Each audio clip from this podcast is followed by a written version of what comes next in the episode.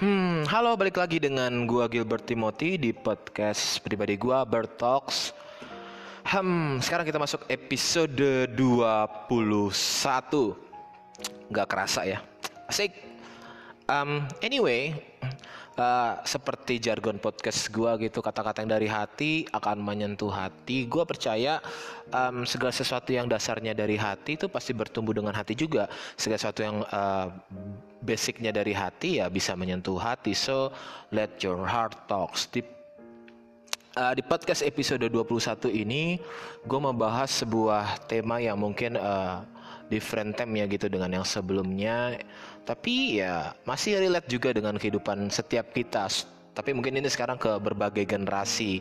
At least ini untuk semua umat dalam hal generasinya gitu, generasi Z, Alpha, Y, generasi baby boomers bahkan generasi silent juga bisa dengar uh, podcast gue ini. So buat siapa pun yang uh, biasa dengar podcast gue, mungkin kalian yang lagi masak, mungkin kalian yang lagi uh, nyetrika baju, mungkin yang kalian ngerjain tugas, lagi ngejar deadline, uh, lagi lagi kerja, lagi sibuk-sibuknya gitu ngejar target, atau mungkin lagi pacaran gitu, ya silahkan Gue harap podcast ini bisa jadi blast, bisa jadi win-win solution buat kalian. So di episode kali ini gue bahas sebuah tema yang, judulnya adalah terima kasih. Uh, terima kasih itu dalam berbagai bahasa tuh macem-macem ya. Kalau bahasa Chinese-nya uh, sheshe gitu, bahasa Jepangnya arigato, bahasa Koreanya kamsahamnida, bahasa Inggrisnya thank you, uh, bahasa Bataknya mau lihat ya itu gue bahasa Batak ya. Ya intinya gue mau bahas sebuah tema judulnya adalah terima kasih. Terima kasih. Udah selesai. Terima kasih ya. Canda. Salah satu kata pamungkas dalam hidup ini tuh ya terima kasih. Benar gak sih? Um, buat kalian ya yang mungkin lagi ada konflik dengan orang tua, dengan pasangan, dengan bos gitu buat kesalahan dan dan orang itu minta maaf dan kalian bilang terima kasih atas kata maaf mereka itu kan kayak clear gitu ya, kayak enak, kayak ada yang plong. Emang kata terima kasih ini itu kayak punya kekuatan tersendiri. Percaya deh. terima kasih, tolong, Terus maaf, tiga kata ini merupakan tiga kata pamungkas yang bisa mempertahankan sebuah relasi dalam kehidupan, termasuk kehidupan itu sendiri. Um, buat kalian yang mungkin udah nge mengecap asik mengecap anjir. Udah makan asam garam dunia bukan asam garam lagi udah petai jengkol dunia ya. Asam garam dunia petai jengkol dunia yang udah kalian hadapin. Bener atau enggak sih tiga kata pamungkas ini tuh hmm, jadi kayak uh, salah satu diksi yang punya kekuatan dalam kehidupan kita. Nah, salah satu yang mau gue bahas itu adalah terima kasih. Hmm. Dalam hidup yang gak tentu ini, dalam kehidupan kita sebagai manusia yang fluktuatif ini, yang mungkin dalam tanda petik membingungkan, kita nggak tahu rule-nya gimana, kita nggak tahu arahnya gimana, kita harus tetap bisa uh, menggunakan kata-kata ini. Dalam konteks gue ini adalah kata terima kasih di event apa pun. Dalam keadaan lo baik, dalam keadaan lo buruk, dalam suka lo, dalam duka lo, dalam tawa lo, dalam tangis lo, dalam keadaan lo yang positif, dalam keadaan lo yang negatif, ya kita tetap harus bisa mengucapkan terima kasih. Karena terima kasih ini kayak obat buat diri kita sendiri.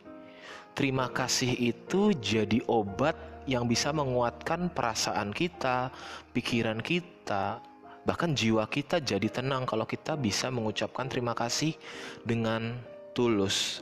So di episode ini gue mau bahas ada dua sub besar, ada dua sub tema besar yang mau gue bahas yaitu kepada siapa kita harus berterima kasih dan sub yang kedua momen apa kita harus bilang terima kasih. Sub yang pertama siapa aja yang harus kita ucapin terima kasih selama kita hidup. Anyway, kehidupan manusia itu um, gak jelas ya, gak jelas dalam hal ini soal waktu, umur gitu ya. Hmm, gua punya temen yang dia meninggal waktu gue SMP. Gue punya temen yang waktu dia meninggal waktu gue SMA. Bahkan dalam hidup gue, gue juga punya temen yang meninggal waktu gue kuliah. Di dunia kerja, di kerjaan gue juga ada teman gue yang meninggal waktu gue kerja. So, yang bisa gue pelajarin dari kisah perjalanan hidup gue pribadi sendiri dalam circle pertemanan gue, gue masih ada kesempatan untuk hidup sampai detik ini. Anyway, kemarin gue baru berulang tahun yang ke-28. Mungkin ini jadi special edition Bird Talks ya. I'm just kidding. jadi, bicara tentang kehidupan yang gue maksud tadi, emang ini jadi misteri. Um, gue punya uh, sebuah uh, advice gitu mungkin buat kita semua para pendengar gitu yang mungkin bisa berguna buat kita uh, lu nggak harus jadi orang kaya untuk jadi bless buat orang lu nggak harus jadi orang yang fame untuk jadi berkat buat orang lu nggak jadi Horas yang punya power untuk jadi berkat buat orang tapi kalau lo bisa meninggalkan best legacy warisan yang paling terbaik buat orang-orang di sekitar lo percaya deh someday ketika lo udah nggak ada lagi orang akan ingat siapa lo bukan berdasarkan popularitas lo, bukan berdasarkan kekayaan lo, bukan berdasarkan kekuasaan lo, tapi karena lo memang orang baik, karena lo pantas mendapatkan yang terbaik. Yaitu keberadaan lo yang menjadi warisan terbaik bagi orang-orang sekitar lo.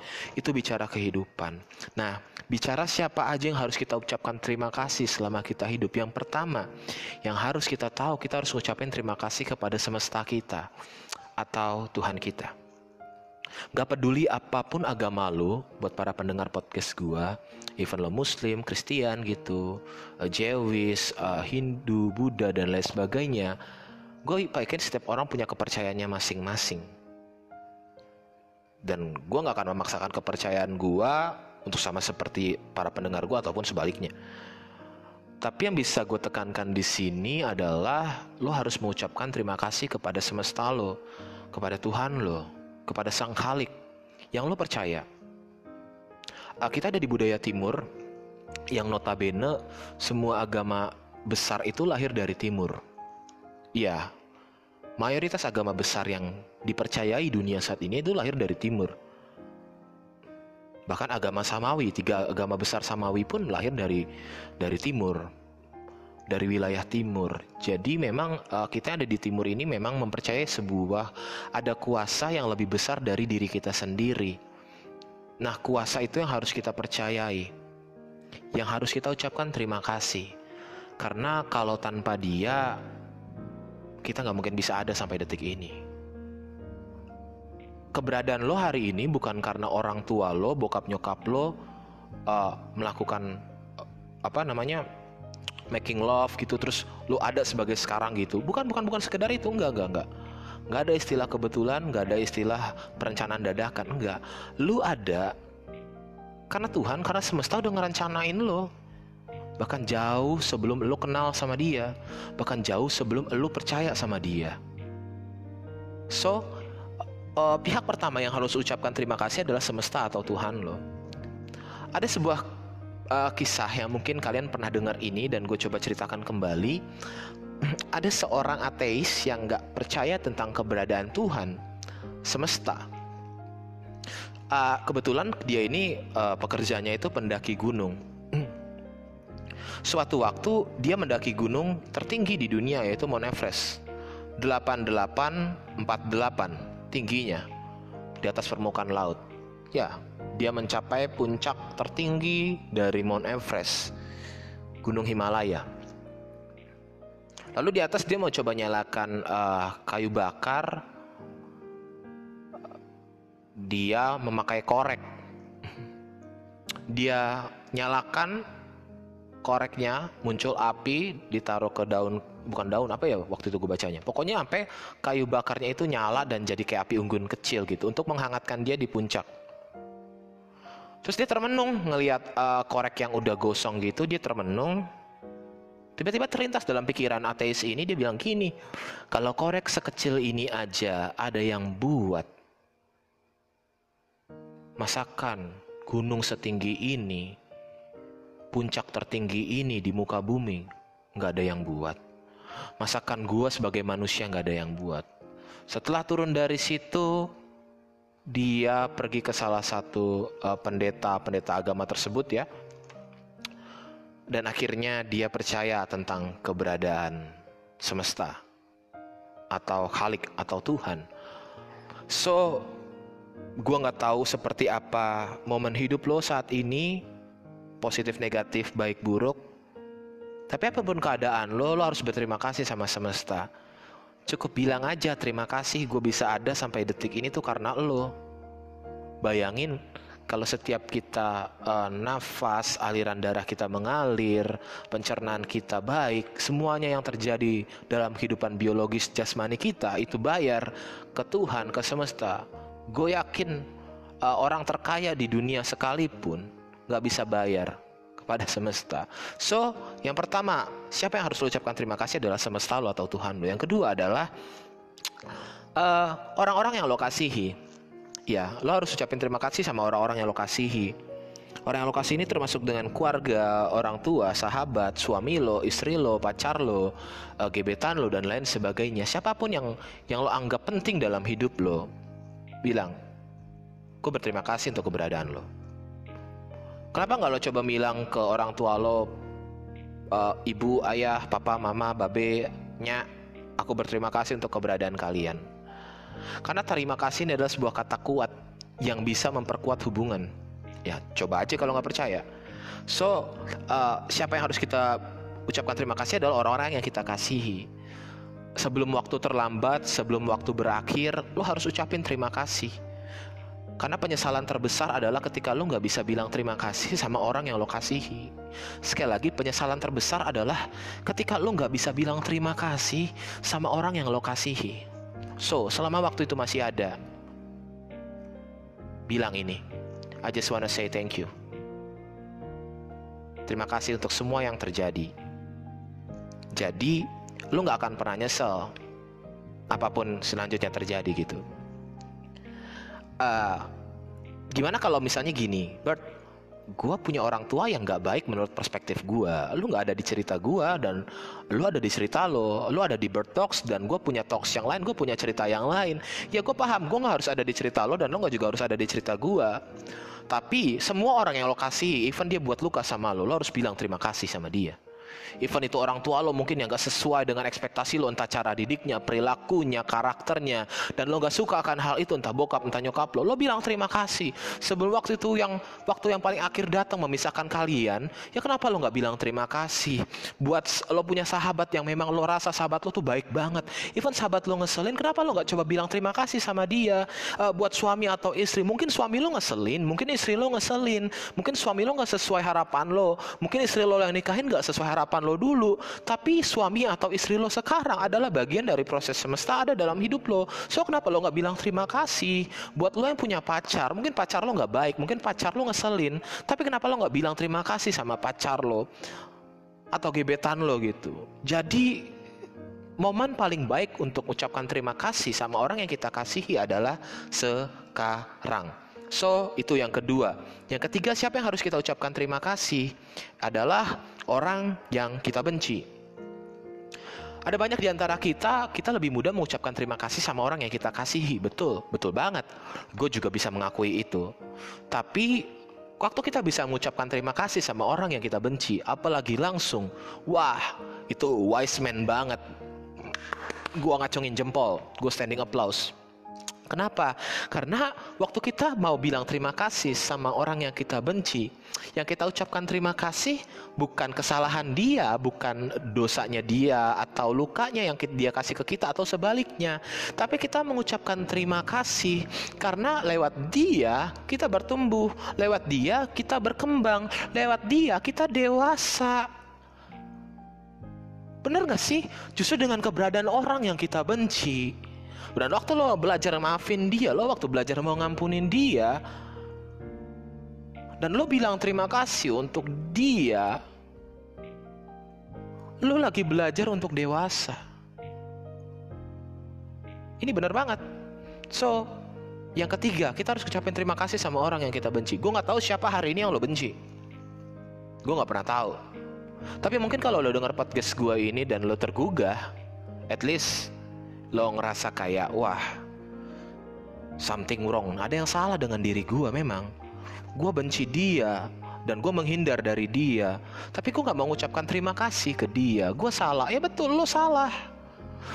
Um, gini, waktu lo belajar terima kasih untuk sesuatu, bahkan seseorang yang lo benci, misalnya clear nih, clear, udah clear. Tapi lo berterima kasih. Cuy, gue cuma mau bilang, lo orang berkelas. Iya, lo orang berkelas. Lo bukan orang murahan. Jadi orang berkelas adalah orang yang tahu berterima kasih. Bahkan sama orang yang dia benci. Itu yang ketiga. Yang keempat, siapa yang harus kita ucapkan terima kasih? Ya diri lo sendiri. Ini yang paling penting. Ada banyak di antara kita, kita nggak kita kita nggak pernah bisa ngucapin terima kasih sama diri kita sendiri. Kita bisa ngucapin terima kasih sama pimpinan kita, kita bisa ngucapin terima kasih sama pasangan kita, orang tua kita, bahkan orang yang kita benci. Tadi seperti tadi gue bilang. Tapi kita lupa, kita nggak berterima kasih sama diri kita sendiri. Kenapa lu nggak coba monolog? apa lo nggak coba bicara dengan diri lo sendiri? Bukan berarti lo jadi gila, bukan berarti lo jadi siko, enggak yang paling ngerti diri lo selain Tuhan, selain semesta adalah diri lo sendiri. Yang paling tahu keberadaan lo selain Tuhan, selain semesta adalah diri lo sendiri. Yang paling tahu kekuatan dan kelemahan lo selain Tuhan dan semesta adalah diri lo sendiri. Tapi kenapa lo nggak pernah ngomong terima kasih sama diri lo sendiri? Kenapa lo nggak ngomong sama diri lo, hei diriku, terima kasih ya udah kuat, terima kasih ya udah sampai sejauh ini, hei diriku, terima kasih ya udah bertahan sampai sejauh ini, hei diriku, terima kasih. Mungkin ada hal-hal yang nggak baik yang kita lakuin dulu, tapi terima kasih untuk segala hal baik, hal buruk, hal suka, hal duka yang buat kita masih bertahan sampai hari ini. So, lo perlakukan diri lo dengan baik, bukan hanya secara fisik lo makan, minum, tidur, sehat dan lain sebagainya. Tapi secara psikologis lo juga harus punya keinginan untuk ngasih uh, ngasih reward ke diri lo sendiri. Salah satunya bukan lo belanja barang mewah, bukan lo pergi ke mall, pergi liburan, tapi lo ngomong sama diri lo sendiri. Gua berterima kasih sama diri gua karena sampai detik ini gua kuat, gua bisa ada dan gua bertahan dengan kehidupan yang gak jelas, yang gak tentu, yang mungkin membingungkan. Tapi lu bisa kuat. So, berterima kasihlah kepada diri lo sendiri. Jadi ada empat yang harus kita ucapkan terima kasih. Yang pertama adalah semesta atau Tuhan kita. Yang kedua adalah orang yang kita kasih. Yang ketiga orang yang kita benci. Dan yang keempat adalah diri kita sendiri. So selanjutnya di sub yang kedua aku mau bahas uh, momen apa yang juga buat harus kita bisa mengucapkan terima kasih. Bicara tentang momen, bicara tentang waktu. Bicara tentang waktu adalah tentang perjalanan. Dalam perjalanan hidup kita ada tiga hal yang pasti terjadi dan sudah terjadi dan akan terjadi. Yang pertama momen apa yang harus buat kita mengucapkan terima kasih? Yang pertama adalah masa lalu kita. Ada banyak di antara kita ketika kita punya masa lalu, mungkin baik kita ngucapin terima kasih. Tapi gimana kalau masa lalu kita buruk? Apa kita masih mau ngucapin terima kasih? Gue yakin orang yang hebat, orang yang besar adalah orang yang bisa berterima kasih sama dirinya sendiri, even itu dalam masa lalunya yang buruk sekalipun. Sekali lagi orang yang hebat adalah orang yang bisa berterima kasih dengan masa lalunya yang paling buruk sekalipun. Mungkin masa lalu lo punya kejahatan. Gue nggak tahu kejahatan apa yang lo lakuin. Mungkin lo pengedar, mungkin lo pemakai narkoba, mungkin lo udah tidur dengan banyak wanita atau banyak pria. Mungkin selama uh, menjalin hubungan lo udah dengan melakukan hubungan seks sebelum nikah. Mungkin lo suka onani dan masturbasi. Mungkin lo perokok aktif. Mungkin lo uh, pemabuk berat dan lain sebagainya. Mungkin lo suka check in gitu sama tante-tante atau om-om. Atau mungkin lo seorang homoseksual atau lesbian. Hari ini gue nggak pernah tahu kejahatan lo di masa lalu. Buat anak-anak muda yang dengar podcast gue tapi satu hal yang mau gue bilang Mungkin lu goblok di masa lalu. Mungkin lu bodoh di masa lalu. Mungkin lu tolol di masa lalu loh. Tapi gue cuma mau bilang, Kasih karunia Tuhan, kasih karunia Sang Halik semesta jauh lebih besar, jauh lebih gokil dari kebodohan, ketololan, bahkan kegoblokan lo di masa lalu. Sekali lagi, kasih karunia Tuhan lebih besar dari kegoblokan, kebodohan, bahkan ketololan lo di masa lalu. So, kenapa? Karena lo tahu ini, kenapa lo gak bilang terima kasih untuk kejahatan lo yang lo lakuin ini? Bukan tentang dosanya yang lo ucapin terima kasih, bukan tentang kejahatan yang lo ucapin terima kasih, tapi lo berterima berterima kasih. Kalau lo ada di saat ini dan lo bisa bertahan dan lo menang atau lo sedang berjuang dan lo lihat flashback hidup lo 5, 10, 15 tahun yang lalu lo lihat diri lo yang gelap, yang gokil, yang ada dalam comberan, yang ada dalam lumpur. Lo lihat ada dalam diri lo sekarang lo berterima kasih. Lo hari ini, lu ada saat ini adalah bagian dari tumpukan kegagalan lu, tumpukan kejahatan lu, tumpukan dosa-dosa lu di masa lalu. Kalau hari ini lu ada di dalam jalan yang putih, itu bukan karena usaha lu, tetapi karena Tuhan semesta sayang sama lu. So lo harus berterima kasih untuk masa lalu lo dalam hal ini adalah kejahatan atau dosa-dosa masa lalu lo. Yang kedua, lo harus berterima kasih untuk masa lalu adalah tentang keputusan masa lalu lo. Um, kita ada sekarang itu karena keputusan yang kita ambil dulu, betul gak sih? Kita ada sekarang karena keputusan yang pernah kita buat uh, mungkin beberapa tahun yang lalu. Even itu buruk, even itu baik keputusannya, tapi lo still alive sampai hari ini, itu gokil cuy, itu blessing cuy. Jadi lo harus berterima kasih untuk keputusan di masa lalu gue nggak tahu keputusan lo di masa lalu lo pernah ngapain aja? Lo ngambil keputusan apa? Mungkin lo pernah ngambil keputusan lah karena keputusasaan. Tapi lihat hari ini lo masih hidup. Mungkin lo pernah ngambil keputusan yang salah tanpa pertimbangan. Tapi lihat hari ini lo masih hidup. Mungkin dulu lo pernah ngambil keputusan hanya berdasarkan emosi berdasarkan perasaan. Tapi lihat hari ini lo masih hidup. Gue cuma mau bilang Keputusan-keputusan lo yang lo lakuin dulu mungkin salah, mungkin buruk, mungkin gak baik. Tapi lihat hari ini, itu jadi pendewasaan buat diri lo sekarang. Itu jadi pembelajaran buat diri lo sekarang. Betul dulu keputusan yang lo ambil itu dalam keputusasaan. Tapi gue cuma mau bilang, semesta masih mau bekerja. Even keputusan yang lo ambil berdasarkan keputusasaan. Gokil nggak lo? Sekali lagi, gue cuma mau bilang, semesta masih mau bekerja buat hidup lo. Even keputusan yang lo ambil di masa lalu berdasarkan keputusasaan. So, rise up bro, sis. Lalu selanjutnya tentang hubungan di masa lalu. Lo harus berterima kasih dengan hubungan lo di masa lalu. Buat kalian yang hari ini sudah menikah, buat ya lo berterima kasih sama mantan-mantan lo karena mantan lo buat lo ngerti arti kedewasaan dalam berhubungan kan? Bener gak sih? Mungkin dulu uang lo habis sama mantan lo, mungkin lo bucin banget dulu sama mantan lo, mungkin lo dulu goblok banget sama mantan lo. Tapi setelah lo menikah sekarang lo ketemu yang terbaik dari semesta, lo kayak jadi ngerti, wah terima kasih barisan para mantan yang sudah mendewasakan diriku. ya terima kasih untuk hubungan yang lalu. Buat yang kalian hari ini masih pacaran, belum menikah ya mungkin, dan akan mau menikah misalnya gitu Ya lo berterima kasih untuk pacar-pacar lo yang sebelumnya, mantan-mantan lo yang sebelumnya. Karena kalau nggak ada dia lo nggak bisa seperti sekarang. Kalau nggak ada dia, paradigma lo nggak bisa berubah seperti sekarang. Bener nggak sih? Jadi lo harus berterima kasih sama dia. Untuk mantan-mantan gebetan lo, untuk gebetan lo yang dulu dan lain sebagainya. Untuk hubungan apa pun dalam relasi percintaan, pekerjaan, organisasi, lo harus berterima kasih untuk semua yang terjadi di masa lalu, untuk sebuah uh, relasi yang terjadi di masa lalu berterima kasih season will change gitu. Betul, musim berganti dan setiap musim kita bertemu orang-orang yang baru. Setiap musim ada hubungan yang baru memang dalam relasi apa pun. Ya, kita berterima kasih untuk itu. Yang kedua, momen apa yang harus kita buat dan kita juga harus mengucapkan terima kasih, yaitu adalah masa sekarang.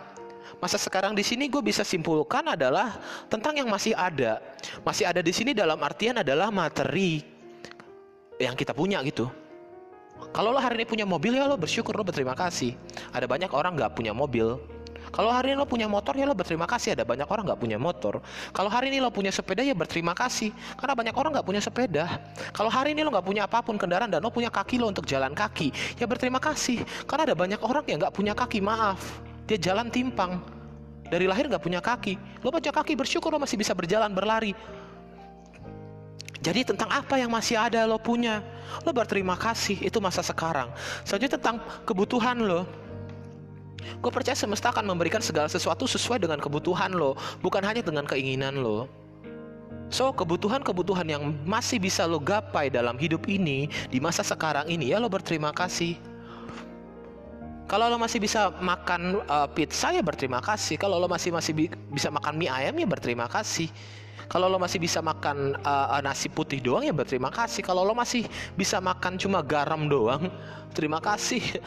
Bicara tentang garam, gue ingat tentang almarhum mendiang nenek gue gitu yang kalau kalau dia ngomong kalau mau makan gitu, dia udah tua suka ngomong apa pun lah makan saya makan lah garam garam sambal sambal. Ini just kidding. Gue keringat ke mendiang nenek gue gitu. Jadi gini, apa pun yang lo masih bisa makan hari ini, saat ini, terima kasih. Terus lo terima kasih untuk pekerjaan lo, uh, usaha lo, kuliah lo, studi lo, lo berterima kasih. Ada banyak orang di luar sana nggak pengangguran, lo masih bisa bekerja di masa pandemi COVID-19, lo bersyukur, terima kasih. Ada banyak di luar sana dia nggak bisa kuliah, jangankan S1, SD aja dia kagak nyentuh. So lo yang bisa kuliah sampai sarjana, bahkan magister, bahkan doktor, atau hari ini lo kuliah cuma diploma atau tamatan SMA lah, terima kasih. Ada banyak di luar sana benar-benar kagak pernah sekolah. Kalau lu hari ini masih bisa sehat, masih bisa nafas, terima kasih. Ada banyak orang di luar sana. Kalau nggak percaya, lu pergi ke ICU. Lu lihat di sono dia. Lu akan ngerti betapa berartinya kehidupan dan kesehatan kalau lo pergi ke ICU. Nggak percaya, coba deh setelah dengar podcast gue lo ke ICU. Dengar deh. Lihat dengan seksama. Betapa berartinya nafas hidup yang semesta kasih buat hidup kita. Lalu kita juga harus berterima kasih untuk masa sekarang adalah tentang yang masih bertahan, artinya tentang orang, pribadi, people, person. Untuk semua orang yang masih bertahan, bertahan dalam fase kehidupan lo, dalam momen hidup lo, sekarang lo berterima kasih. Untuk mereka yang udah pergi lalu, ya berterima kasih juga. Tapi untuk masa sekarang lo berterima kasih untuk masih untuk mereka yang masih bertahan. Buat kalian yang punya sahabat masih bertahan dalam hidup kalian. Apa susahnya ngomong terima kasih sama sahabat kalian? Buat kalian yang masih punya uh, pacar dan masih mau bertahan dengan keburukan kalian, dengan kejelekan kalian, kenapa kalian gak ngucapin terima kasih sama pacar kalian? Buat kalian masih punya orang tua, ayah atau ibu kalian masih lengkap atau salah satu masih hidup, kenapa kalian gak belajar terima kasih sama orang tua kalian? Karena waktu terbaik untuk bahagian orang tua kalian bukan nanti, tapi sekarang. Buat siapa pun yang kalian kasihi dan kalian sayang sama mereka, kalian cinta sama mereka, kalian aware sama mereka. Kenapa kalian atau kita nggak pernah ngucapin terima kasih? So, ucapkanlah terima kasih untuk mereka yang masih bertahan. So, boys, girls, ladies, men, girls, siapa pun yang masih bertahan dalam hidup atau season kalian saat ini, terima kasih. Eh, terima kasih ya udah bertahan lo sama gua. Eh, terima kasih lo udah mau jadi temen gua. Eh, terima kasih lo udah mau jadi sahabat gua. Eh, terima kasih lo masih setia jadi pacar gua. Eh, terima kasih lo masih setia mendampingi gua sebagai suami atau istri lo. So, gua harap setelah kalian dengar podcast gue ini kalian ngucapin terima kasih sama orang yang kalian kita kasih, yang kalian kasihi yang masih bertahan dengan hidup kalian. Dan yang ketiga yang terakhir, momen apa yang harus buat kita bertahan, yang harus buat kita uh, ngucapin terima kasih adalah masa depan. Mungkin ini aneh, mungkin ini janggal, mungkin ini buat kalian jadi bingung. Masa depan, Bert gimana bisa kita ngucapin terima kasih untuk masa depan, sedangkan kita aja nggak hidup di masa depan, kita masih hidup di masa sekarang. Betul kita nggak hidup di masa depan, kita masih hidup di masa sekarang. Tapi selama lo masih punya kepercayaan tentang hal-hal baik di masa depan, kenapa lo nggak ngucapin Terima kasih untuk masa depan lo. Anyway, gue ini Nasrani. Di kepercayaan gue di Jeremia 29.11 di situ ada kata yang gokil menurut gue yaitu semesta punya rancangan damai sejahtera buat hidup gue. Rancangan itu adalah sesuatu yang belum terjadi. Artinya tentang masa depan yang belum gue ketahuin. Uh, intinya gini, yang bisa gue bilang ke kalian di masa depan kalian harus bilang terima kasih. Mungkin di masa depan kalian gak tahu. Mungkin di masa depan akan ada duka lagi. Mungkin di masa depan kalian akan ditinggal orang yang kalian kasihi. Mungkin di masa depan kalian akan kehilangan orang-orang. Mungkin di masa depan gak sesuai ekspektasi kalian. Mungkin di masa depan kalian be aja. Mungkin di masa depan mungkin uh, kelihatannya suram dan lain sebagainya. Tapi gue cuma mau bilang, ada damai cuy di masa depan. Cuy, ada harapan di masa depan. Sampai sini nangkep dan ngerti maksud gue.